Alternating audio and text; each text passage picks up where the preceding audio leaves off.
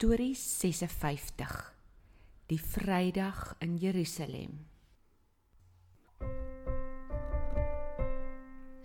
Kom luister na die storie se les almal waar al wil jou hart kom aanraak so maak jou daarvoor klaar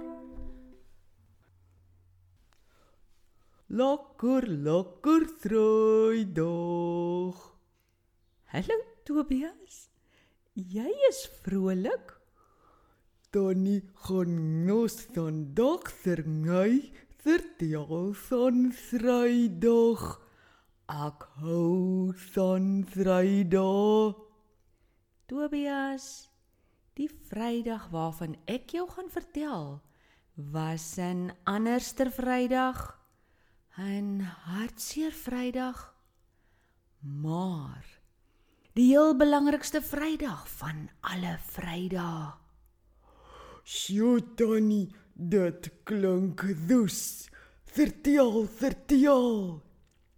Jy onthou, in ons laaste storie is Jesus gevang deur soldate.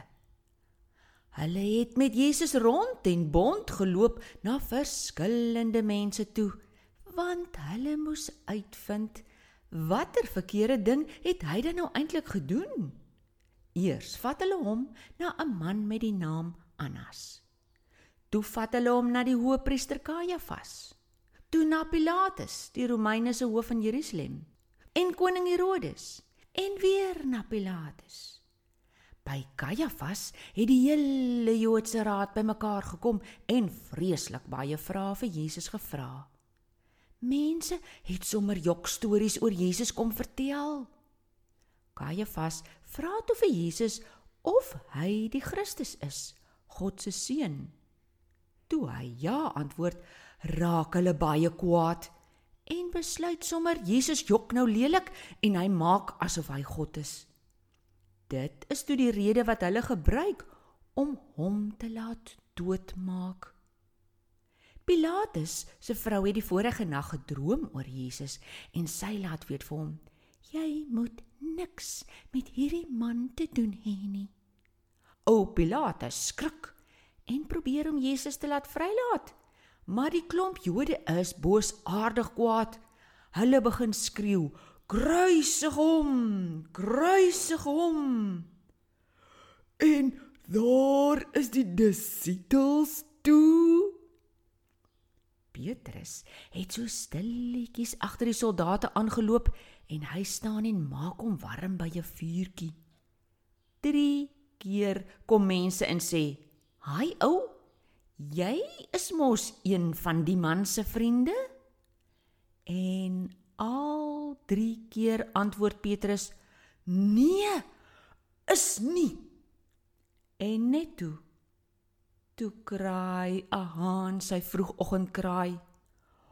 Petrus skrik om boeglam. Wat het Jesus net gisteraand vir hom gesê? Ek onthou. Jesus het vir hom gesê hy gaan maak asof hy Jesus nie ken nie. Jy is reg. Petrus hardloop toe buitentoe en begin vreeslik huil.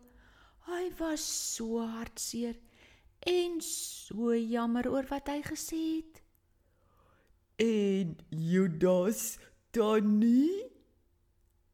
Hy was ook baie jammer dat hy vir Jesus verraai het. Hy het die geld wat hy gekry het vir die priesters gaan teruggee. Maar in plaas daarvan dat hy ook huil en vir God vra om hom te vergewe, besluit hy hy wil homself doodmaak. Ag nee. Hy hoes nie dit te gedoen het nie. En dat gebeur toe met Jesus.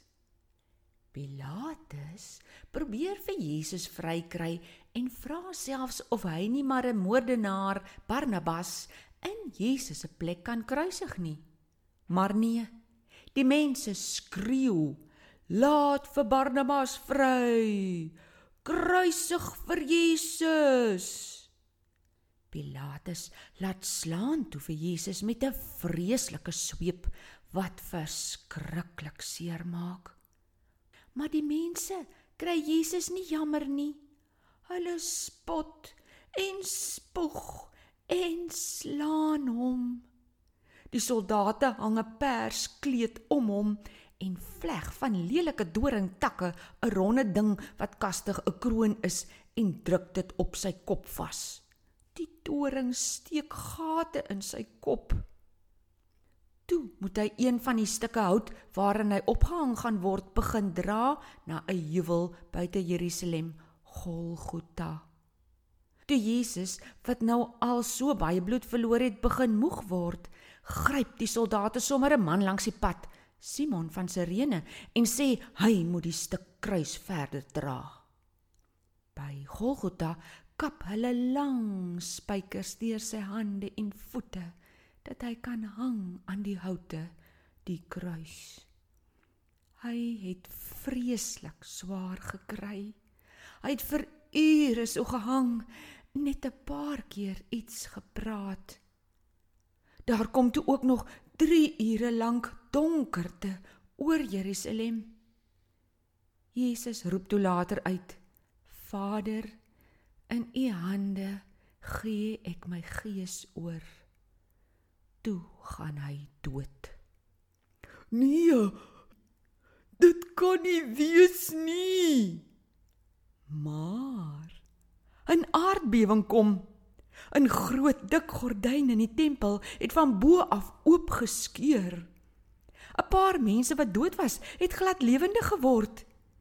Die hoofsoldaat het alles so gekyk en gesê: "Hierdie man was regtig God se seun." Hy was reg, hy was reg. Jesus is nos wonderlik fantasties.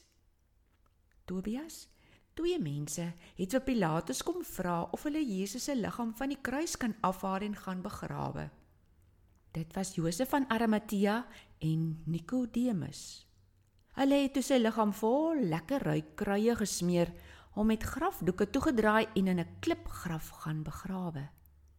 Die priesters vra toe daar moet soldate buite sy graf wag staan, want Hulle is bang vir die voorspelling dat Jesus gesê het hy gaan weer lewendig word. Daddy, vertel nog. Kom ons wag vir die volgende storie. Dit gaan oor die Sondag in Jerusalem. O, ek kan nie dag nie. Jesus kon nie dood lê nie. Totsiens, Daddy. Ek kom daai gou weer. Verwag 'n groot storie Tobias. sien jou binnekort. Totsiens.